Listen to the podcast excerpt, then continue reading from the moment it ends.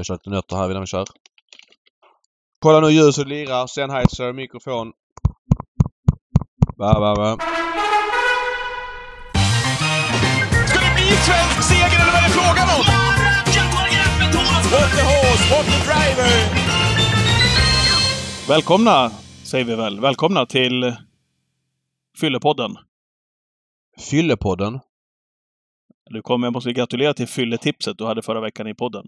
Som du också förresten hade i Twitchen 13.00 i lördags. Vilket tipp? Vad, vad menar du? Aetos Kronos. Varför var det ett fylletips? Du, du bommade hur han såg ut två veckor innan. Han, Ja, men... Alltså... Ja, men det, det, är väl, det är väl fylletips det. Som, som satt. Men så här, ha- han föll ur travet och han väl gjort titt som tätt. Men alltså, det var ju inte så att det var en favorit jag gick in så att jag trodde på. Jerry startar inte honom för att han tycker det är kul. Han åker upp till Solvalla. 500 000 i första pris. Hästen går barfota runt om andra gången efter eh, den här sjukdoms slash skadeperioden. På den balansen han är överlägset bäst. Även om han föll ur travet och körde på en pinne på Halmstad så går det inte att dissa hans form med det tycker jag då. Det ska, det ska göras tydligt i den här podden att du var, du var klar, eh, att det var din klara första häst även i Twitchen. Så att eh, jag ra, jag raljerar lite grann, men jag hade svårt att se den komma själv, den prestationen som han kom med i, i lördags. För det var någonting som var... Det var väl kanske det svettigaste vi har sett här under 2023 i alla fall. Och den, för Alltså- mig kom den i alla fall, efter att ha sett ut sådär David, du kan komma ut och göra en bra prestation. Men Mm. för mig var det förvånande att han, att han... Dels att Magnus körde som han gjorde, för det var ju bland det offensiva, mest offensiva man har sett också. Att han, här visste ju han att här har den här hästen är i ordning idag. Den, att, att Magnus Djuse hade fått den informationen, det var ju såklart i alla fall. Jag hörde att Magnus sa, jag hade sagt till någon, jag tror det var Kristoffer Axén i Spelvärldens podd, att han tyckte att han öppnade så sjukt bra. Hans tanke var från början att sitta kvar i ryggen på Chapuis. Men att han öppnade så sjukt bra att han kände att "Jag- jag- han är så bra idag så jag kan inte sitta fast med honom. Så jag var tvungen att gå ut. Och att han kände så, så, det i så tidigt skede liksom. Ja, men jag vill ju säga att det är klart att jag inte trodde att han skulle vara så här bra. När, när han gick ut där och tog döden så kände jag nej, nu blir det nog lite fel. Jag trodde att han kunde vinna typ tre från tredje ut eller ryggledaren med lucka eller något sånt liksom. Mm. till, till låg procent. Till, men att han skulle vinna på det sättet i 11 gånger, det var... Ja, det var bra. Ja, men, Men eh, vilket- grattis! Eh, Ja, du var väl med på men- Toton? Ja, lite grann var jag, men det var inte så mycket annat att hänga Djurgården spelmässigt eh, just vad gäller V75 i, trots att man fick in den vinnaren i, ehm, i lördags. Så är det ibland. Ja. Verkligen. Men, men hur vill du ta hem den prestationen då, totalt sett? Liksom, hur, hur maffig var den? För vi minns ju loppet, som jag tappade namnet på precis, som jag gjorde där. Eh, Jubileumspokalen. Jubileumspokalen, ja, precis. När jag missade honom på fem hästar för att ta potten på V75. Då ja, just jäklar! Mm. Samma häst ja. Ja. Ja, det gjorde du. Men hur, hur, vill du, hur vill du landa in den här prestationen? Nej, den är superbra. Jag tror inte att han kommer bli jubileumspokals bra igen. Han är sju Ja, men år var, nu. han, var han inte det i lördags? Nej, det var han inte. Det var han inte. Han var ett bra, men han var inte jubileumspokals bra. Nej, Det kanske tycker jag inte. Han vann på 12 och 1. Eh, det är en jättebra tid. Eh, och han fick ett tufft lopp. Mm. Och det var snö och inte så jättesnabb bana i, i, i um, lördags. Absolut. Men eh, jubileumspokalen som han vann i augusti 2021 vann han på 9-9 full väg. Men var han Elitloppsbra i lördags? Eh, ja, han var ju helt klart att han har ju gått från att inte ens vara namnet på någon släpp till att vara en av hästarna som känns het till Elitloppet. Det skulle jag absolut säga. Framförallt då, om man håller sig... Men nu verkar inte det spela någon roll. Jag, jag vill ju gärna titta på hästarna och se hur de ser ut. Framförallt om man håller sig fräsch, tänkte jag. Eller fräsch, om man är så pass bra som han var nu i lördags. Om man håller sta den statusen fram till Ja, sista alltså- söndagen i maj så kan han ju vara en av de 16, absolut. Men, Han kan garanterat falla ur travet igen och allt det där men han kommer ju gå barfota gissar jag nu hela tiden han får gå barfota. Och därmed tycker jag att, eh, ja men Nej, han kommer vara med i snacket och han är med i snacket. Dels med den prestationen och ja, nej, överlag. Ja, ja, det Ja. så är det. Punkt. Ja, punkt. Eh, någonting annat ifrån gulddivisionen där som du vill, som du vill plocka hem? Annars var det ju Aetos Kronosonsdal, rubrikerna. Tycker Chapuis gjorde ett bra lopp för ledningen. Verkligen, det får man väl ge honom över full väg. Ja, att det, han det är- funkar även mot de här i en final. Nioårig Wallach efter, jag tror det är Quite Easy som pappa Ja, det och ja, popcorn där väcker man. va? Ja, rimligt att han skulle ha liksom vara lite på retur i karriären men jag undrar om han varit inte bättre än någonsin här nu liksom. De här Rimligt. senaste- Och fortfarande att han är bäst över kortdistans. ja, är väl ändå gissningen. Det är väl bara liksom att... och Jag vet inte om han har wildcards eller bjuder in hästar men han måste vara de mest givna i Sweden Cup i alla fall. Mm. Eh, kort distans, den stansarbeten. Ja, i den här formen kan han absolut vinna Sweden Cup, så är det. Eh, Ja. Sen vet jag inte om två hit är någon plus för honom och sådär men Guldtanden är given i Sweden Cup. Ja, det är han. Ehm, I övrigt, Ultion Face sexa, var ju på många släppar. Four Guys Ja. Stream slutade åtta. Eddie West hoppade som slagen, såg inte som bäst ut efter Nej. har eh, levererat under lång, lång tid. Känns kanske som ett litet formtapp på Forga Stream. Jag fick den känslan senast också på Halmstad. Det är ju spekulation från min sida men eh, det var det, inte... det, det är det vi sysslar med här. Mm, det var inte wow eh, på honom. Ultion Face, där fick jag in på raden att Adam inte var helt, helt nöjd med honom inför. Ehm, och ah, alltså först i tredje är ju inte hans melodi. Han ska ha ryggar fram till upploppet och det fick han inte nu så att... eh, ja, Eddie West lite sämre. Kan vara lite formtapp där också, jag vet inte. Men eh, ja, det var några som, som floppade till lite grann. Speaker Back Face, där gick ju Wäjersten i helt fel läge så att han fick ju gå tredje spår sista 1200. Mm. Det var lite tufft, tufft för honom. Just för Wäjersten eh, så hade han redan tagit en dubbel innan på V75 i Borups Victory. Ska vi börja ta hand om honom? Mm. Ehm, ja, han är väl en elithäst redan nu. Det är väl en tidsfråga innan han möter de allra bästa. Mm. Dock så är han kvar i silver. Mm. Eh, jag snackade lite med Wäjersten och han hade inte riktigt bestämt plan. Han var ju kanske lite, lite inne på kanske pausa honom ett tag här nu innan det här loppet. Men nu kändes, han- kändes han så fin i, i det här loppet så att han... Nej, det är svårt att pausa honom då tänkte han. Tänk när man sitter och, och väntar med att lämna in sina V75-kuponger. Man sitter och väntar in, vad blir det för huvudlag på King of Everything? Hur ska vi hantera Borups Victory? Vi var inne på att gå eh, rakt ut på Borups Victory och så satt vi och så tänkte du och jag att ja, undrar vad de tänker med eh, King of Everything. Ja, då fick vi beskedet att han gillade banan. Det skulle vara helstängt huvudlag på och då tänkte man att det här blir ju show första 400. Nu gardar vi Borups Victory. och så blir Ja. det vad det blir. Ja, han märker direkt Magnus att han inte kan ta en längd på, på Nej, invändiga. precis. Så det såg ut som han hackade till där någon gång Ja, också i det och där han tar upp- momentet. tar upp direkt liksom. Det var, han kör, jag vet inte om han kör 20-30 meter bara, sen tar han Ja, upp max. direkt. Så, Mm. ja. så att det var inget snack om saken. Behovsviktigt i ledningen. Han var smällfin och han bara stack undan och vann enkelt. Det ska sägas då att det var första barfota bak i Wäjerstens eh, regi och det är helt klart att det gjorde några meter. Mm. Och så fick han vinna då också, sätta punkt för tävlingskarriär med en seger tillsammans med eh, Fabulous Pellini i Diamantstoets final. Eh, härligt att hon fick avsluta på det viset. Hade gärna sett henne på tävlingsbanan ett tag framöver i några år till.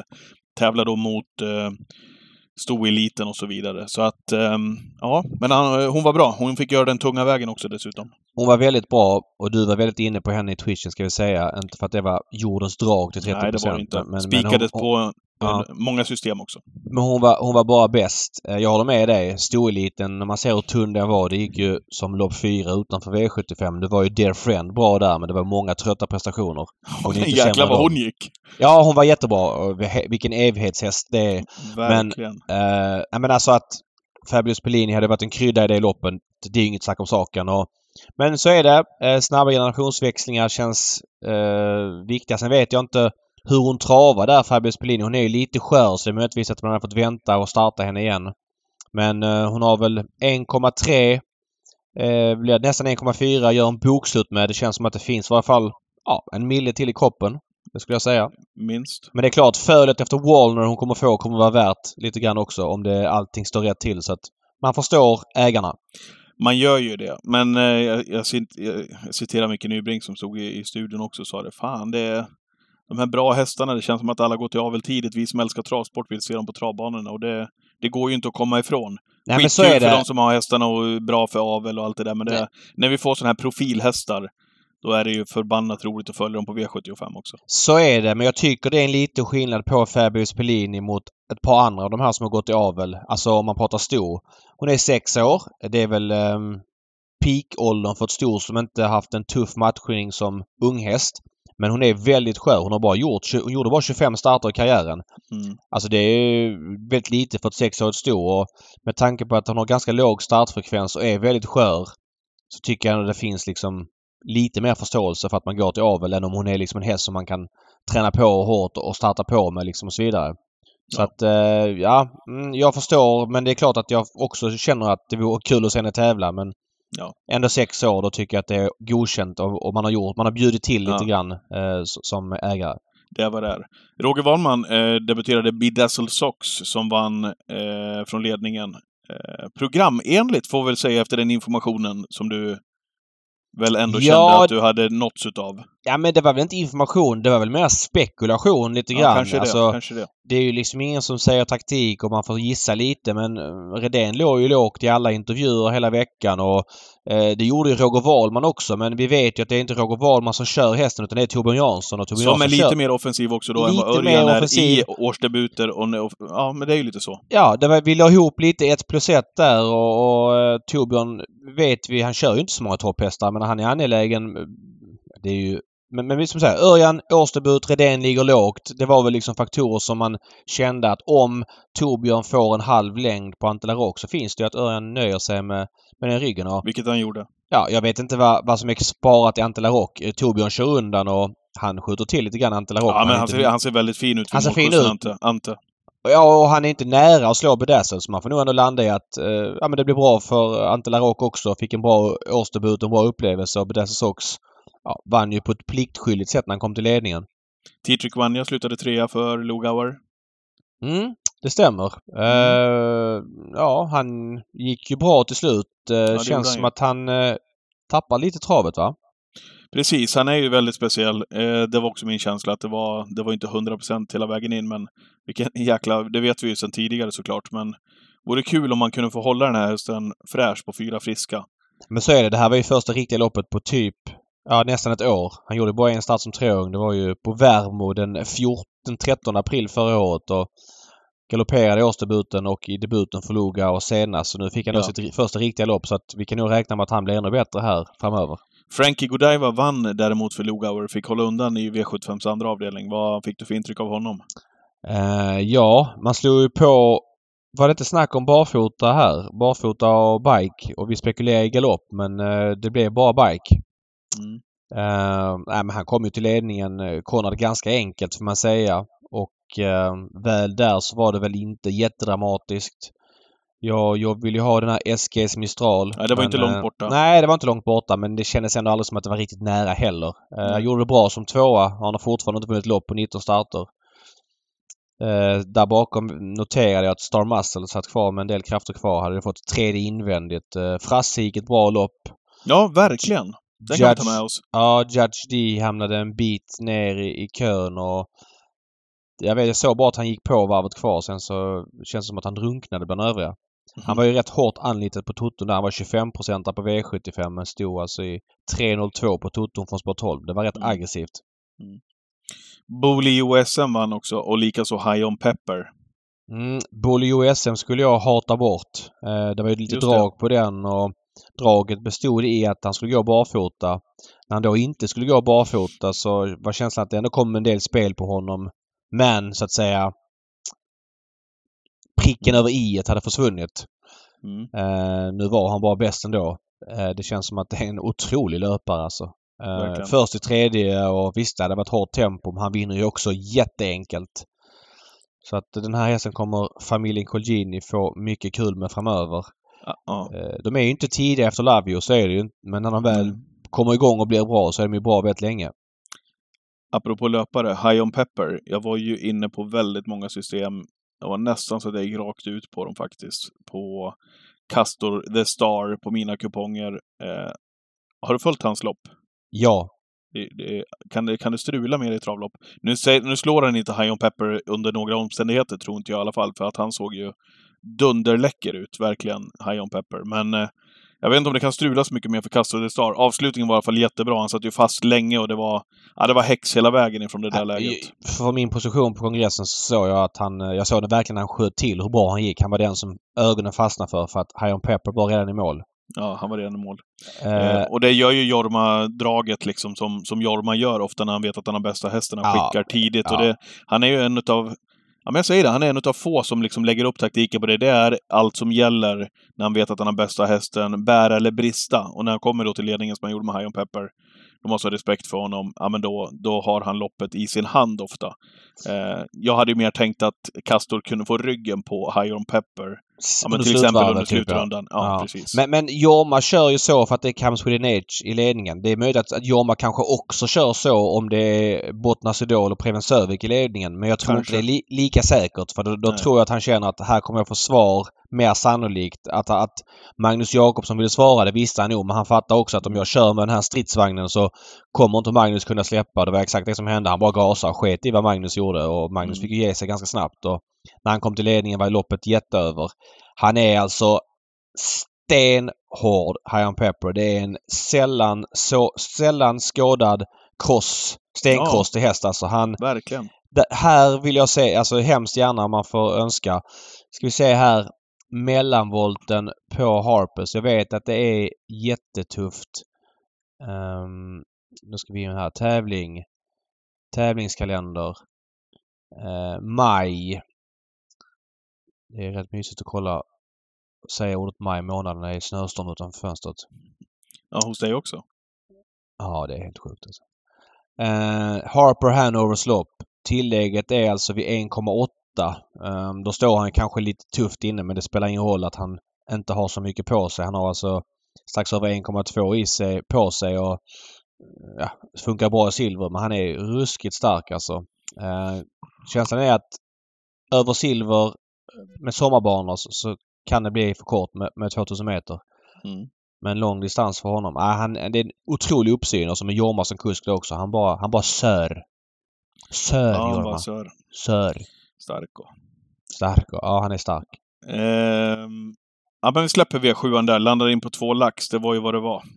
Ja, ja men helt iskallt och ehm, Ja, det var ju alltså 26,8 miljoner eller 26,9 miljoner i, i femrättspotten och de går alltså till Romme.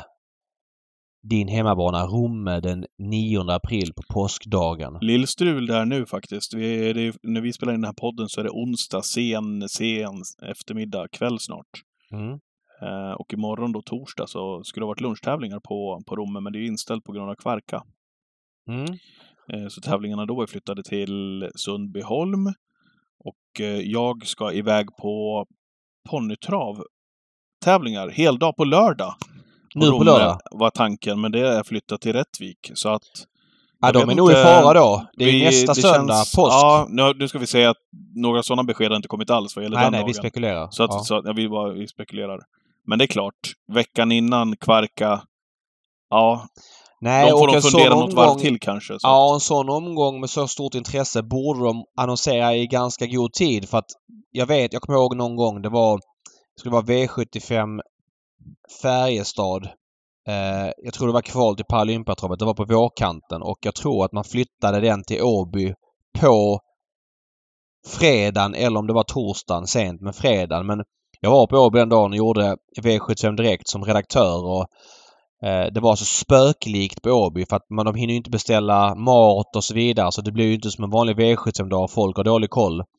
Det blev otroligt avslaget på publikplats och den här dagen är ju en dag som många vill besöka med så stort spelintresse. Det är 37 miljoner extra i den potten och det kan bli ännu mer. Det kommer vara grymt spelintresse till den dagen.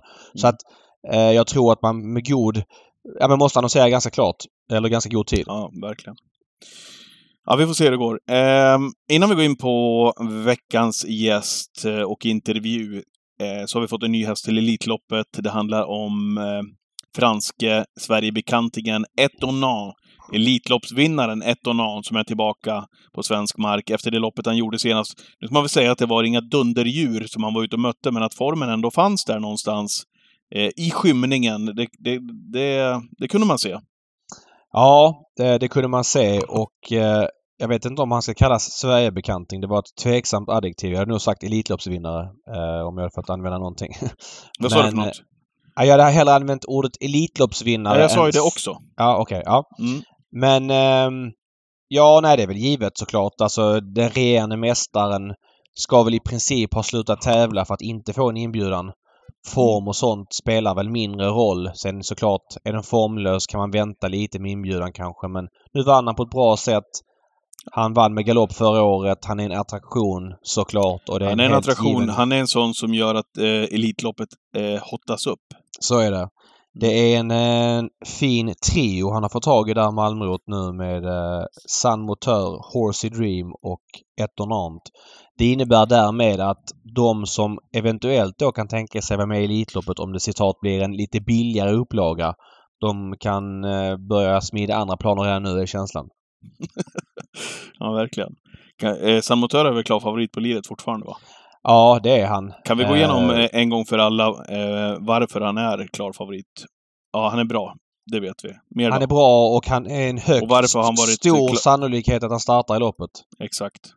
Vad bra. Då Men- har vi rätt ut det också. Men, men, men alltså, och Sabotör är extremt given i Elitloppet. Men jag är inte säker på att det här med två hit och, och kort distans och jag vet inte. Han är inte startsnabb. Ja, ja, ja, han kanske ska vara favorit men det är ingenting jag kastar mig över. Ska vi se eh, vad, vad han står i här nu.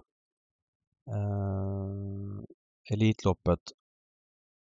Maj. ATG har honom till 4 och 25. Det får de behålla, David. Ja, det kan de behålla definitivt. Och ehm, Svenska Spel har ju bokstavsordning. Det tycker jag är jobbigt varje gång man ska kolla där. Man vill ha dem i oddsordning. Där står det 4 och 10.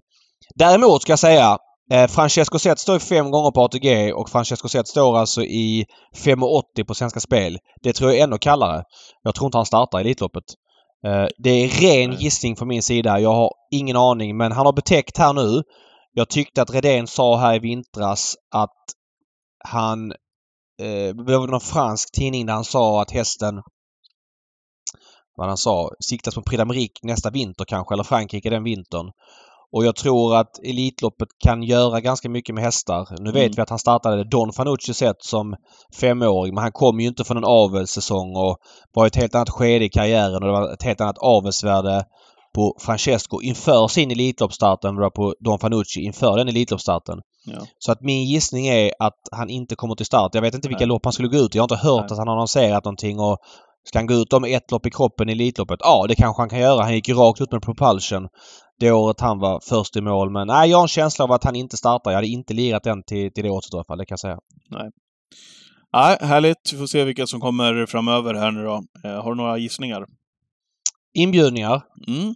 Nej, det, det är ju Hönek eh, man vill ha liksom. Ja, men där, ha. där sa ju Malmrot i Solvallas podd när jag gästade den att eh, ja, han lär lite eventuellt inte. Han ska betäcka nu och sådär så att eh, det såg bättre ut för, för ett halvår sedan med Hönek till Elitloppet. Nu så vet man inte riktigt. Men ändå absolut inte nej, nej tack.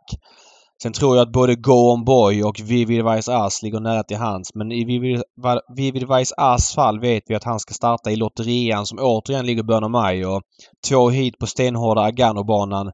Finns liksom ingen anledning att bjuda in honom innan det. Så att ja, det hinner hända en del. Eh, och sen bakom det har vi Mm. Ja. Joviality då som Ja, fyraårig där? med. Vad tror vi där? Jag tror inte hon startar Elitloppet med tanke på hur det ser ut. Jag, jag vet inte heller hur man tänker här men jag tror att det är en sån häst som man skulle kunna starta om det, inte, om det skulle se billigt ut i Elitloppet. Hon har ju så många andra lopp där derbyt i höst kanske, eller borde vara det stora målet. Men eh, att gå ut med henne, jag har ingen känsla. Man skulle debutera i maj och Visst, hon är, hon är skitspännande som fyraåring. Jag tror inte ett, jag vet att ett fyraårigt stå inte har vunnit Elitloppet och inget fyraårigt stå har startat i Elitloppet sedan Lisa America var med.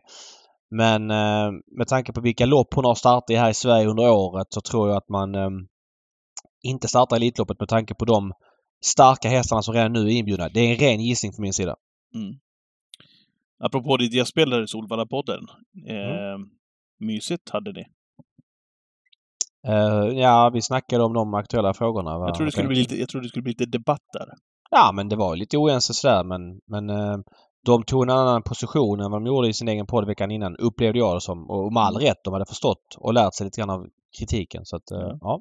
Ja, bra. Ja. Eh, ska vi gå in på veckans intervju då? Veckans Det gäst. tycker jag. Det tycker Ja. jag. Ja. Eh, tankar, tankar David? Nej, Preben Sövik, en ny och ganska färsk travtränare.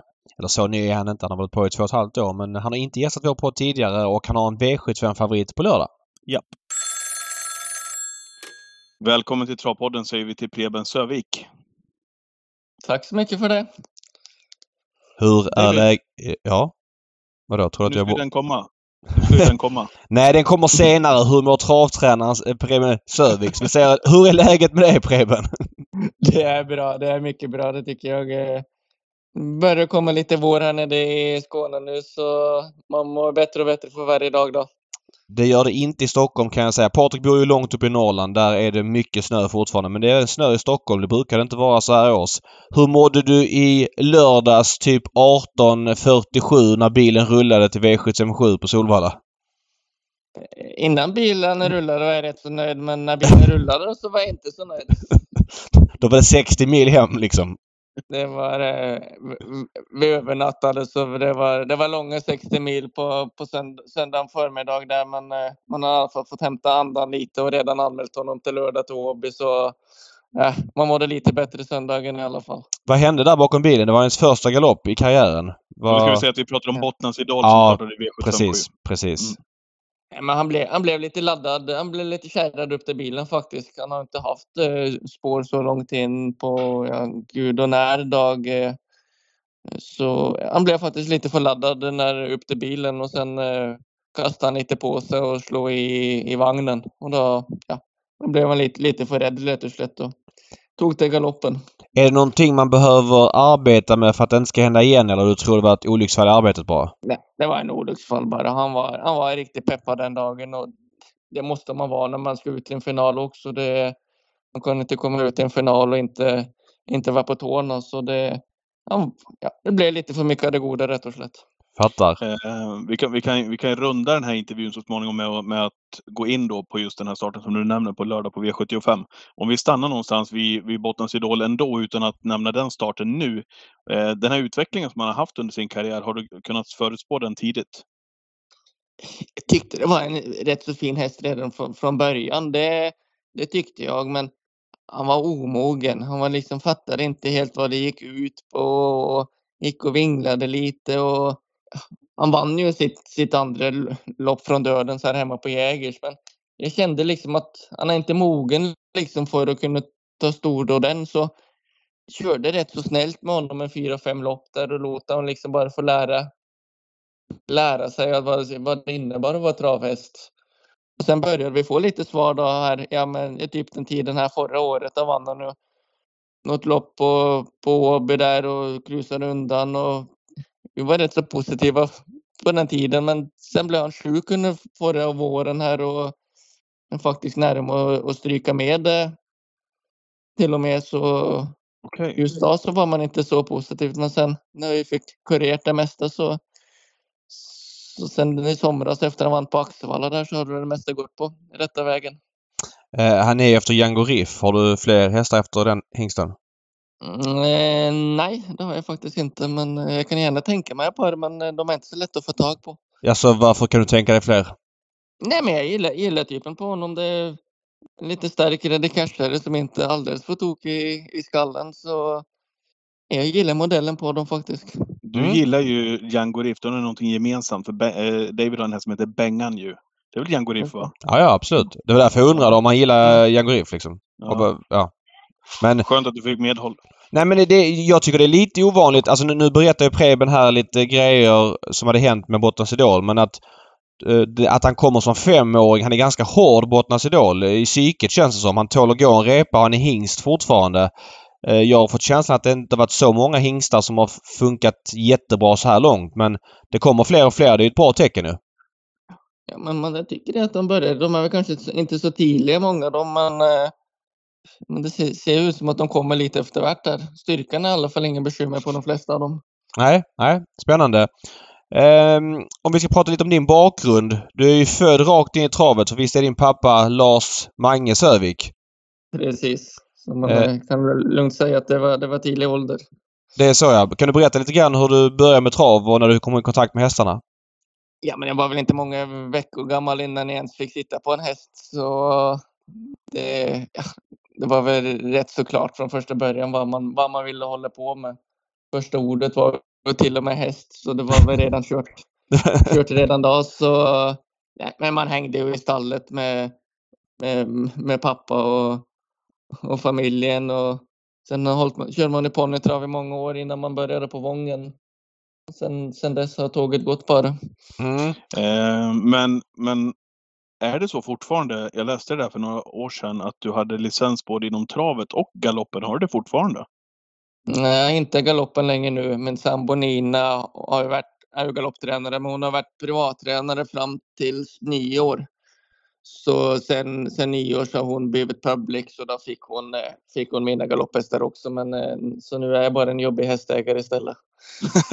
eh, men det där måste ju vara lite småunikt att ha licens i båda där. Var du, liksom, hur kom det sig? Nej, men det var ju det att eh, man träffade min, min sambo Nina och ja, man kom in på, in på galoppen på den vägen och ja, jag tyckte jag ville, ville prova lite, lite galopp också. Jag tyckte det var rätt så kul och det är fortsatt rätt så kul. Ja. Eh, kan, du, kan du ta med dig någonting från galoppen in till dina travhästar? Liksom, hur man lägger upp träning, förberedelse med de hästarna, eh, in till travet eller vice versa? Ja, men det, träningen är ju helt olikt. Det är ju som, Mm. som hund och katt. Det är det verkligen. Så det, just på den biten är det inte så är, de, vad är den stora skillnaden där menar du? Ja, men galopphästarna har ju de snabba musklerna. Det är, det är de de tar sig fram på. Men stravarna måste vi träna med. De, de segstarka musklerna. Så det, hade vi tränat en travare som en galopphäst eller omvänt så hade inte någon av dem kommit till start. Ja, okej. Men hur Men det- tränar man en, galopphäst menar du? Vad, vad, vad är, vad är, hur, hur lägger man upp det? Jag brukar då, man kan träna två galopphästar på den tiden man tränar en travhäst. Okej. Ja, okej. Det, det, det är kortare turer. Det är inte så, så långa pass som... Är, som det- är det snabbare turer och kortare turer? Är det så? Ja, men exakt. Okej. Det är Mm. inte så mycket snabbare där inte, men, eh, men kortare turer där är i distans. De, eh, de behöver inte gå så långt för som sagt, de, de ska ju bara hå- hålla igång sina snabba muskler. Varför värmer man inte, värmer man inte en galopphäst? För man vill ha kvar explosiviteten i dem. Okej. Och det vill man Det- inte i travhästar? Nej, det är, är- som sagt, det är två olika muskelgrupper som, vi, som de jobbar med. Så det, de sega måste värma upp, men de sega på en galopphäst vill man helst inte ha. Man vill ju bara ha ex- explosiviteten i dem. Fattar. Eh, du sa det... Hade ni inte en kanon, förlåt David, hade ni inte en kanon där som det var mycket surr om Jo, vi hade, på galoppen? jo, jag hade en här, inte förra året, året innan dess. Röda Baronen. Just det, Men den, men Mm. den lämnade träning eller ja, det blev lite oenigheter med ägarna där så den, den fick gå, till någon annan. Men eh, ja, den är rätt ett par trevliga år som vi har lite troen på. Du, kan du berätta lite grann sen? Eh, du, Vången sa du, men du var ju runt hos lite travtränare och jobba. Eh, hur funkade den turen? Var det givet att du skulle flytta till Sverige hålla på med trav och inte stanna kvar i Norge? Ja, det var det. det. Norge har en fin travsport, men det är ändå en B-sport i förhållande till Sverige. Det, jag ville ut och lära mig någonting och då tyckte jag att Norge var för litet. Så det, det var enten så, ent- enten skulle man börja på Vången eller så skulle man bli något helt annat hemma i Norge för det. Eh, jag tyckte inte nå- det var ingen studiegrej i Norge som var fristande för mig när det gällde häst. Va, vad sa din pappa om det då? Han som hållit på i Norge så länge? Nej, men han förstod ju det. Han, han tyckte det att eh, ska man ju ha en framtid på det så får man följa sina egna vägar och göra det man, det man själv vill. Och, ja, jag tyckte att sporten var för liten i Norge redan för 15 år sedan och ja, det är väl ännu värre idag. Eh, visst jobbade du sludde några år? Ja, jag jobbade hos Ludde i fyra år så det blev väl ett par, par runder, rundresor runt omkring. Och fyra år hos Ludde, fyra år hos Robert Berg, två år hos Samuelsson.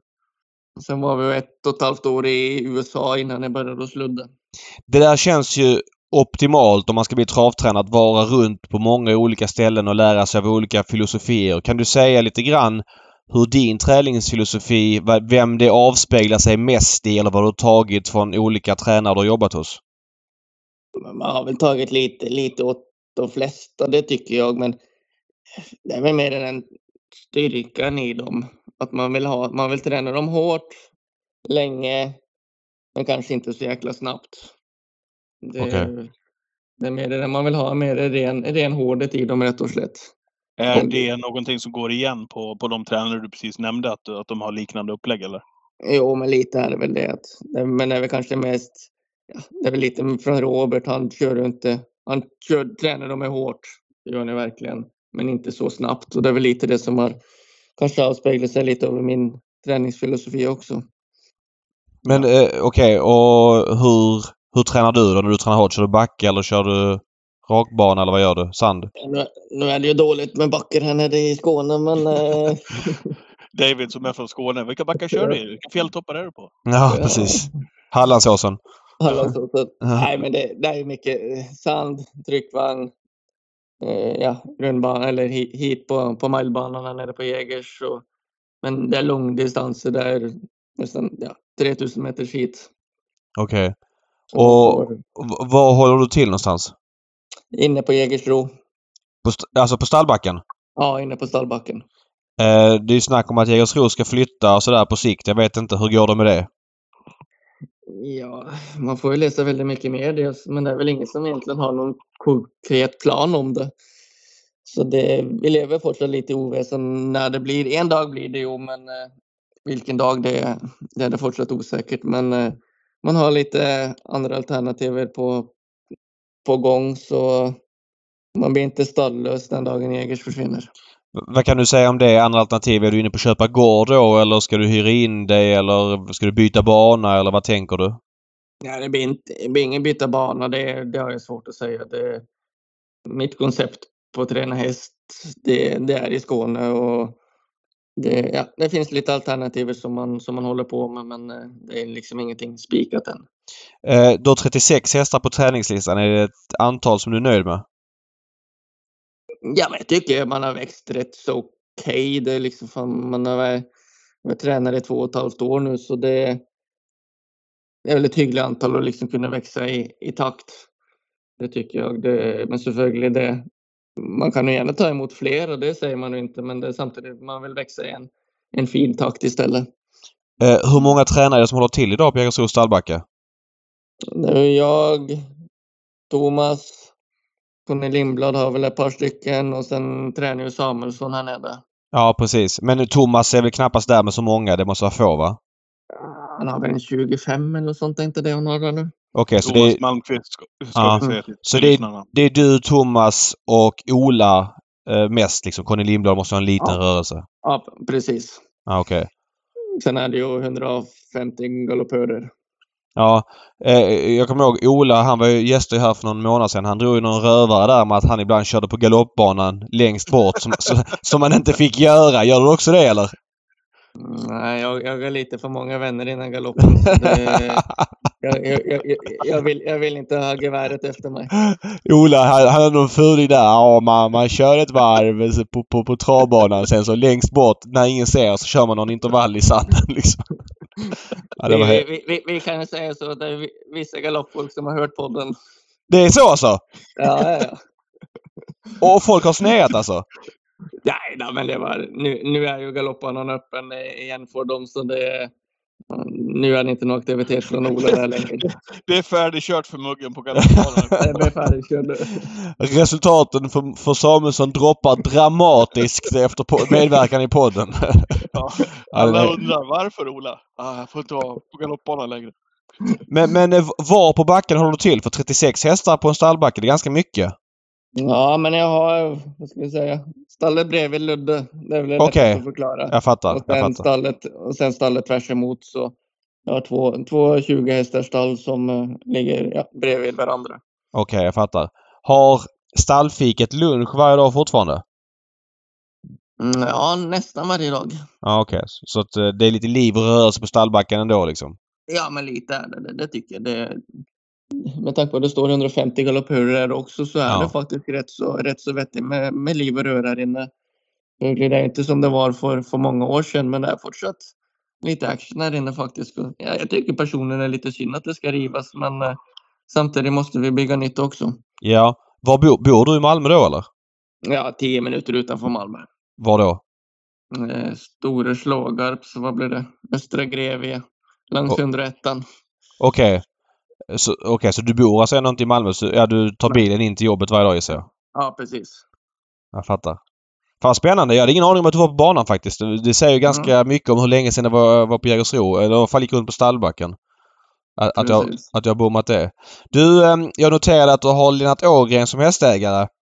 Eh, sett till hur, vilka Lennart Ågren har häst hos och var han har så blev jag lite förvånad när jag såg att Sidney Celeber var på din lista. Hur kommer det sig att han har häst hos dig? Nej, men det, vi kände ju varandra sen eh, jag var hos, var hos Ola så sen ja, pratade vi lite här förra sommaren och om vi la ner ett par hästar så hade det kommit in, ja, ramlat in ett par stycken sen dess. Vad är statusen på en sån som Sidney Celeber? Eh, ett par veckor kvar. Det hade varit lite då, dåligt med lopp för honom här nere faktiskt så ville jag inte plocka ut honom på V7 direkt första gången heller så det, ja, i mitten av, mitten av april. Det känns som en häst som det finns mycket kvar i spontant. Jag vet inte, vad säger du om det? Är det känslan också när man kör honom?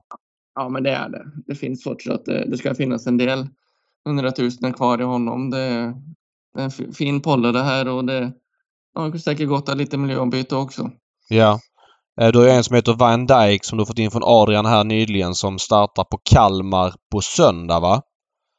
Precis. Vad kan du säga om honom? Ja, men en trevlig modell, lite, lite entaktad av sig så det, är- det är ingen lättkörd herreman, det, det är det inte. Men eh, jag ska nog kunna klara att vinna några lopp med honom, men eh, det får bli ett jämnt hårt tempo hela vägen. Det är, ingen, det, Fattar är ingen, det, det är ingen man kör snyggt med. Eh, Sen har du en efter Perfect Spirit som heter Ro- Rock'n'Roll. Eh, också eh, som Lennart äger. Va? Efter, alltså det är ju intressant. Det är väl Perfect Spirits första kull måste det vara va? Den enda efter Perfect Spirit faktiskt i treårskullen. Jaha, så pass? Ja, så det är lite spännande faktiskt. Men han, han är stor. Han är redan 1,70 stor. Jag fick- Jag fick till och med köpa en pall till skötan här så hon skulle kunna lägga, lägga på selen på honom. Så eh, han, han behöver lite tid på sig med tanke på att han är så stor. Men det är, det är en riktigt fin travare det är det. Lisa America är mormor? det. Stammen ska man inte gnälla på den där i alla fall. Nej, det förstår jag. Nej, nej. Ja. Eh, i, I övrigt av de här tvååringarna som har blivit två år nu, är det, är det någon, någonting där du känner att, att den, den kullen ser bra ut eller? Är det, vad tänker du där? Ja, men det är ett par stycken trevliga, det, det tycker jag faktiskt. Eh, En Goldfinger SF är rätt så fin. Lillebrorsan till Bottnas Idol är faktiskt ruggigt fin. Men selvfølgelig, det är, vi är i snart april månad så det, det är långt kvar. Men eh, ett par av de som faktiskt visar lite framfötter redan. Eh, eh, du, du kör ju mycket lopp själva. Är det tanken på sikt också? Du ska träna och köra. Du tycker det är liksom är halva grejen att köra också? Ja, men man, från början så var man lite sån att det, inte man behövde köra överallt tyckte jag från början. Men samtidigt det är lite mangel på catch drivers här nere i, i södra Sverige. Det är inte så många och många att välja på. Och som regel, ja men Stefan kör ju som regel till sin bror eller Samuelsson. Och det är liksom inte så många, många andra att välja på. Så då har det blivit att man får nästan köra själv här nere.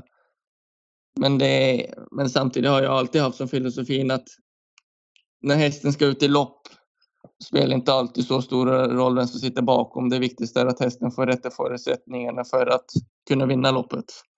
Mm. Eh, och jag, jag vill bara säga att jag tycker det är skitkul att du kör själv. Eh, för att det behövs fler tränare som kör själv. Det är klart att catchdriversarna har, har sin marknad och framförallt runt Stockholmsregionen är det väldigt hård konkurrens. Det kanske är lite lättare i, i söder men jag tycker det är skitkul att du kör själv för det ah, känns ändå som att det är färre och färre som tränar och kör. Eh, och de som gör det, ah, det känns som en viktig ingrediens för sporten. Ja, men det är ju samtidigt lite det som man tycker att ja, men man känner sina hästar bäst själv. Mm. Det, det är ju lite det. Slänger man upp någon catchdriver som kanske kör hästen bara en gång, ja men alla tar det inte på lika stort allvar.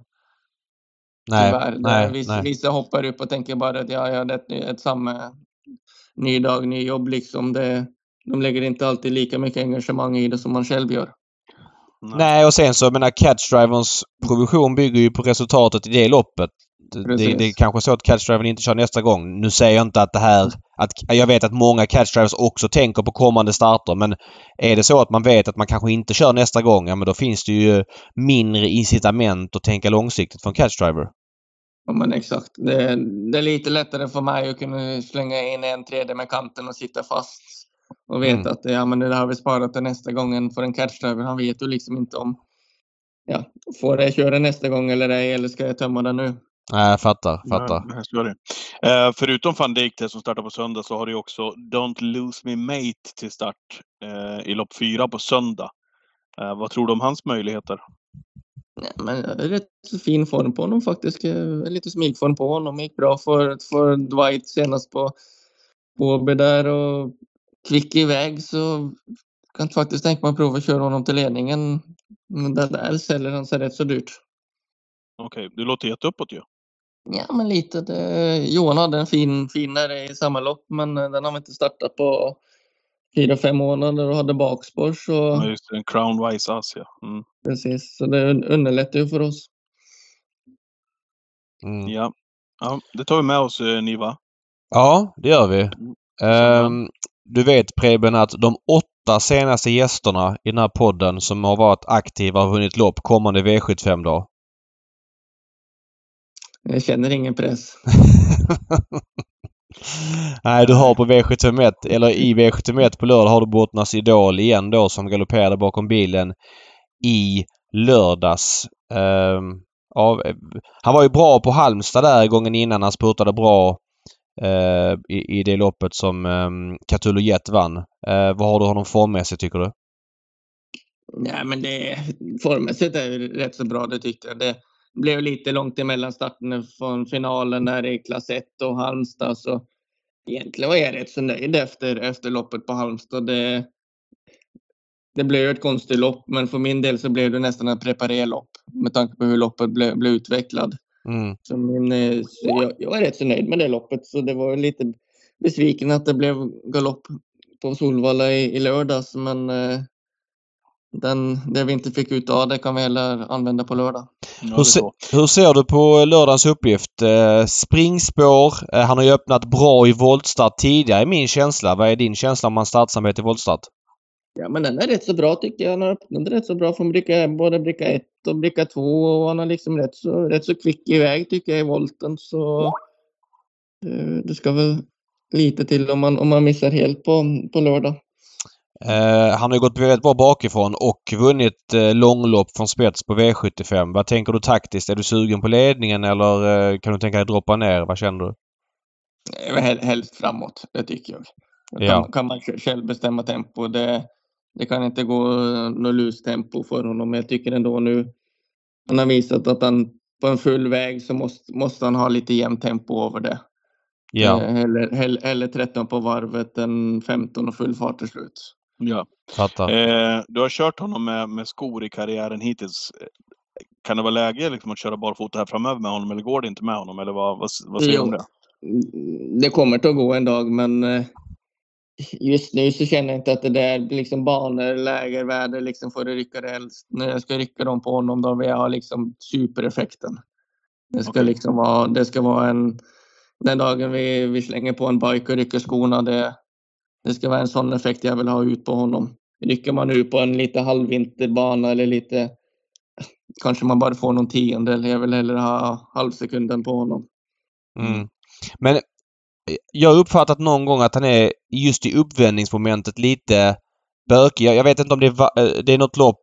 Var det Walter Lundbergs förra året när han var i, långsam första typ 20 meterna, sen accelererar han. Ja, men exakt. Han kan vara lite, lite trög, som du säger, liksom första 10-15 exakt när man vänder honom. Ja. Om bara liksom trampar rätt så kan man skicka iväg honom rätt, rätt så rejält. Okej, så du, du tycker inte det är någon... Det är ingen galopprisk så direkt utan du tycker bara att han, han kommer vara lite långsam precis när du vänder upp från springspåret men sen när du kommer med Exakt. fart så kommer du liksom kunna få upp farten på honom. Exakt. Precis. Jag fattar. Eh, har han blivit rappare? För han har gjort väldigt många bra lopp. Du har matchat honom över lite längre distanser ibland också, Preben. Har han liksom blivit rappare i sig själv med, med tiden, eller? Ja, men det tycker jag. Från början så tänkte jag ens, kommer vi ens kunna, kunna starta över eh, full väg med honom. Men tycker ändå han har liksom utvecklat rätt så mycket mer fart i kroppen under, speciellt under hösten här nu. Och det, det har han visat nu att han kan nu liksom gå till 10 sista 800-900 i, i spåren. Så det liksom, farten är ingen, ingen större bekymmer på honom nu längre. Ehm, jag tänker om du skulle vinna här nu på lördag eller eh, kvala in honom till finalerna i Elitloppshelgen. Eh, är det Ja, nu ser jag att han står på mellanvolten i Harpers. Jag tror han står på startvolten. Men det, då är det brons du går på. Du, han har, eftersom du har matchat i långlopp, du är inte sugen på Harpers eller något sånt utan du tänker brons Nej. i så fall. Det, jag tycker den står mellanvolten på Harpers är något av det sämsta man kan göra. Ja, nej, jag, jag, jag trodde, när jag ställde frågan så Ja. trodde jag att det var Ja. startvolt men det var tillgängligt vid 700 så. Ja, det, nej, jag tycker det känns, känns rätt så hopplöst att, starta där. Då hittar vi heller något annat långlopp på, på Lunden eller i Norge eller åka ner till Frankrike eller något sånt. eh. Jag tror nog att det är lättare att kunna vinna ett av de loppen än att vara trea, fyra Harpers för exempel. Men, men är det eh, en matchning du tänker dig framöver? Är det lite långlopp och sånt eller vad, känner du där liksom? Ja, men lite så. När, när det går upp i silver, där känns det ut som det kan bli lite, lite tufft för honom en period i alla fall. Så då känns det mer ut som att vi får gå tillbaks till lite längre, längre distanser för honom under sommaren här. Du vet att Örebro International där, eh, där är ju tillägget vid 1 370 Det är också mellanvolt i och för sig. Skulle det kunna vara ett lopp? vi får se lite. Det, det är ju inte lika tufft som, eh, som Harpers. Så vi får se. Vi kan se lite hur vad, vad andra som kanske kan tänka sig att komma ut där. Men eh, Ja, vi, vi tar först ett, ett lopp i taget. fattar. Mm. Eh, fattar, För, fattar, för, förutom de här hästarna vi har nämnt nu då Preben, vilken tror du är nästa vinnare från ditt stall? Eller kanske är någon av de här som startar i helgen? Eller har du någon annan som du, som du har stark känsla för som ska ut? Som du har tänkt att? Alltså typ som inte har startat eller något sånt? Ja, exakt. Jag hade en igår som jag hade rätt så stora förhoppningar på. Honey Express. Men hon var, hade bakspår igår och är lite stänkrädd av sig. Så det gick ju som det gick då. Men eh, på den framspår så vinner den nästa gång. Du ska kolla, vad hette den sa du? Honey Express. Ska du flagga nu Patrik? Vad hände med... Flagg. Ja, vad hände med um, Santos Ass igår? Han galopperade i sista sväng. Jonathan sa när han kom här 89 kvar så skulle han börja rikta, rikta norsken på honom. Mm. Och då började han att tvek, tveka. Tänkte, ja, ja, men då får jag dra upp norsken. Ja, men då blev tvekan igen för då började han att titta på de andra. Så det, han sa att han bara bromsade in, bromsade in sätta i galoppen. Fattar. Han har varit, han har varit så någon gång, gång förut också att han, ja, men han bromsar och liksom, ja, ger lite fan rätt och slätt. Så, Fattar. det, så vi, jag hade kollat upp honom inför för starten här nu. Det var inga fel på honom, men vi får, eh, ja, vi får väl ta en vända till på honom. Men eh, lite, lite tråkigt beteende faktiskt. Ja. Men totalt sett en bra känsla med Bottnas Idol på lördag. Det är liksom... Du känner dig confident att du har en häst som, som duger och... Eller duger, det är klart han duger. Han är ju ganska klar favorit. Men det känns som en bra uppgift tycker du? Ja, men det tycker jag. Han var, inte, han var ju trots allt näst favorit bakom Hajon Pepper i, i lördag som var 20-21 procent. Och det är väl ingen sådana med denna lördagen. Nej. Nej, verkligen inte. Verkligen inte. Ja, jättespännande. Vad säger du Patrik? Är det något mer du undrar över eller? Eller sitter du och flaggar jag- Honey Express? Ja, det är det jag sitter och gör just nu. Eh, nej, men det känns som att jag har eh, fått med, fått med det jag ville få med. Ja. Eh, kul att prata med Preben tycker jag. Eh, om, om, bara innan vi släpper det. På lång sikt, vad tänker du dig? Eh, hur stort stall eh, vill du ha om du får bestämma fritt? 70, 80. Och någon gård i Skåne kanske då? Ja, någon, gård, någon egen gård i Skåne eller ja, någon egen anläggning någonstans här i Skåne. Det, jag, gillar, jag gillar vintrarna här nere. Jag eh, hatar snö, is, brodd. Allt det där. Så det är Skåne som är, är mitt nu. Ska inte Ja. Luga och sälja sin gård nu när han ska flytta upp till Stockholm?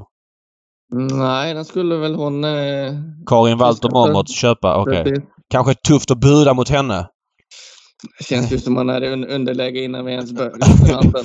Där, där står du på mellanvolten med, med, med henne och hon står på startvolten med Ja. superkanon.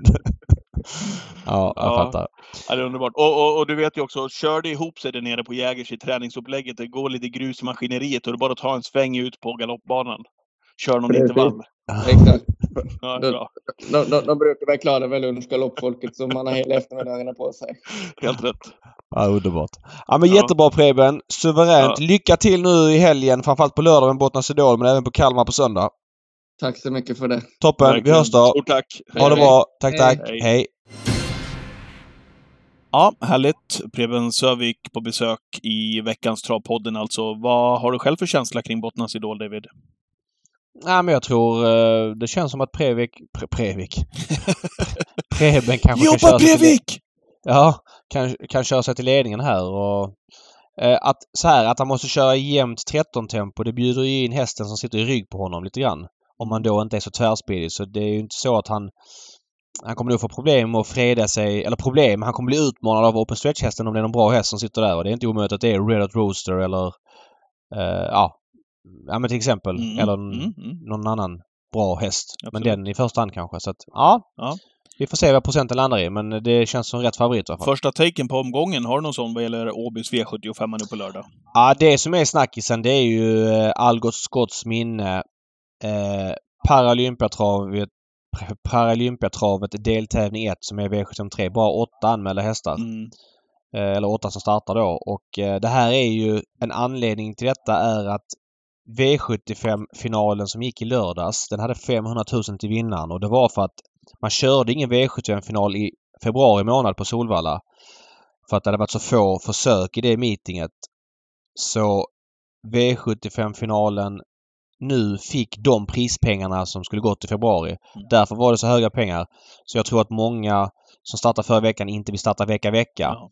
Men överlag, jag vet inte vad du känner. Men, och men är- snackisen är väl den också. Vi ursäktar Algot Scotts minne den här gången, men det är ju ett lökigt guldgäng som ska ut och kä- kämpa om 200 000. Ja men det, jag tycker ändå att Rackham är lite halvkul och Ciceo TG tror jag är en jävligt bra häst och Dear Friend har form och Night Brodde är en Elitloppshäst. Så det tycker inte jag är problemet. Men överlag, om man ska prata ja, historik. nu, nu, nu, nu såg du ljusglimtarna här David. Nu såg du solstrålarna sippra in mellan ja, persiennerna. Absolut. Men om vi pratar lång sikt. Kommer du ihåg när vi eh, började med eh, Tipslördag när V75 gick live sent 00-tal? Mm. Vi hade fet-odds på banorna. Just det! Det var ju king i, det! I, i Totoluckan och man såg oddsen gå upp live i TV och det var de två första i de försöken som gick till final och det var Torvald Palema och det var Commander Crow och det var liksom den digniteten och det var mycket folk på banorna. Det var så här Ja. ICA sponsrade Ja, och det var olympier på banorna och så vidare. Mm. Om man ser till där Olympiatravet var på 00-talet och där Paralympiatravet är idag så känns det som en ruskigt blek kopia, det måste jag säga. Jag ska till Åby den 6 maj. Det är ju Paralympiatravet och pokalloppen. Jag ser extremt mycket fram emot den dagen och för min del så är loppets status, ja, de som springer på banan, det är liknande kvalitet kan jag tycka. Men att Olympierna är inte med och det beror på att ATG inte sponsrar Svenska Olympiska Kommittén för att det gör Svenska Spel som är en konkurrent och då sponsrar ATG eh, Paralympierna istället. Och det blir ju inte samma grej. Så är det uppmärksamhetsmässigt. Eh, och sen så undrar jag... Dock ett jag mycket inte- bra initiativ tycker jag. Vadå att... Nej men att, eh, jag vet inte om jag lyssnade rätt på det, men att eh, Paralympier också får fokus. Jo, men jag, jag tycker man kan köra båda två då. Ja, alltså okej, köra. Paralympier och Olympier. det. Alltså det var ju den här... Det var ju grejen med det här loppet att det var Olympier på Åbytravet. Charlotte Kalla tände elden eller Mm. Therese Alshammar och Lars Frölander och så vidare. Den grejen liksom försvann och sen nu är det fem uttagningslopp där vinnaren går vidare. Då var det tre med de två främsta. Det tyckte jag kändes roligare på någon vänster. Jag, jag vet inte varför. Det kändes fräschare Mm. och sen så tror jag att Paralympiatravet missgynnas ganska mycket av att ligga så pass nära Elitlopp som det gör. Det är bara tre veckor nu och man hinner liksom inte... Alltså jag fattar att de vill flytta och det blev inte optimalt med två V75-omgångar på så kort tid Mm. för Åbytravet. Mm. Det var ju en vecka emellan och sådär. Men när det låg i april månad då var det liksom eh, mer första loppet och det låg liksom med distans till Elitloppet. Nu ligger det tre veckor innan i samma månad. Nu är det som en grej som passerar lite mer för mig. Vi hör John... John... Eh, John fan jag sluddrar då. Jon Walter Pedersen, sportchef på Åbytravet, ska bjuda in hästar till den här tävlingsdagen och Ja men han bjuder in, han bjuder, bjuder in nu Hussard Landré. Klockren häst att bjuda in men de ska vänta med svar och han upplever att många har Solvalla som fokus och kanske inte vill ta turen via Åby när det är så tätt ifrån och så vidare. så att ja. jag känner att eh, hela Olympiatravskänslan med vad det var för 15 år sedan den är, den är raderad och eh, det är mycket beslut som ligger bakom det, hävdar jag. Vart fan tog fetoddsen vägen då? Ja, det var skitkul. Jag personligen stod i det Tuttohallen där och nu stoppar jag in checken Ja men, här ja, i men på Tuttoluckan. det var Och ju, så- så- det var ju ett, eh, det var ju, det var ju, det var ju mumma odds över hela, över hela, över hela startlistan. Vi ska säga det, det som hände med Fetodds för de som inte var med då, det var att ATG stoppade in 500 000 i vinnarspelspoolen till eh, Olympiatravets försök. Vilket gjorde att det låg 500 000 döda pengar i potten och att oddsen då blev högre. Ja. Världsklass. Eh, jag, kom, jag kommer ihåg att jag var på kanal 75. Skulle redigera något program då så var det en kille där, en redigerare som hette Staffan. Mm. Eller heter Staffan. Ja. Och han var ingen lirare sådär liksom. Men så fort det var fetodds då var han inne och skulle knappa för det var citat som han sa. Det är gratispengar till odds Ja men det är ju rätt. Ja, det var, ja, det var jag, eh, jag, håller med men... Uh, tillbaka med eh, fetoddsen. Ja, så är det. Något eh, annat då kring, kring V75? Det här, jag fastnar lite grann där. Nej men vi kan köra snabbt avdelning för avdelning. Jag vet inte. Ja, eller, eller om du bara liksom har någon, eh, någon, någon take ifrån något lopp, tänker jag. Vi kommer ju gå igenom det här eh, mycket Dear Friend 40 känns ju eh, mycket. Men fan vad fin hon var i lördags. Ja, här, jag har ett jättedrag här alltså. Cicero TG eh, med jänkarvagn 6 just nu. Han var sjukt bra förra året. Var det i jubileumspokalen han var ute mot eh, toppdjur. Mm. Det var ju Simon Tör som vann där. Och nej, han är ruskigt bra. Jag, jag tror han kan bli ett utropstecken i år och eh, jag kommer betala tidigt för honom. Mm. Jag tror han är bättre häst än vad Dear Friend är. Och han är nästan 10 gånger så lite spelad. Så kan man ju säga. Ja. Eh, I övrigt då? Kentucky River blir jättefavorit från spår 1. Eh, jag vet inte. Eh, känns det som hans melodi? Spår 1. Slog inte han i taket lite förra året? Eh, Han var så otroligt fin på våren där när han vann eh, en klass 1-final, tror jag det var, Elitloppshelgen. Han är ju Eh, han är väldigt, väldigt kapabel, men ja. Sen så lite grann på hösten. Han, han fick ju ett ganska... Jag ska säga, kolla nu Breeders-finalen. Han körs fram i dödens där. Han kunde inte utmana Francesco. Äh, han kanske var bra ändå. Han ebbar lite som fyra men känns som att det ebbade för honom. Mm. Spår 1 känns klurigt ändå för hans del. Det är min uppfattning. Men ja. kanske kan gå ändå. Eh, total take på, på V75-omgången ifrån Åby får ni som vanligt i Twitchen 13.00 på lördag. Då kommer David med fler fylletips. Så till 6-procentare. Klara fylletips! 6-procentare som vinner från dödens. Bara mosar konkurrenterna. Ja. Mm. Får vi se är det. kan vara. Nu rundar vi med det här.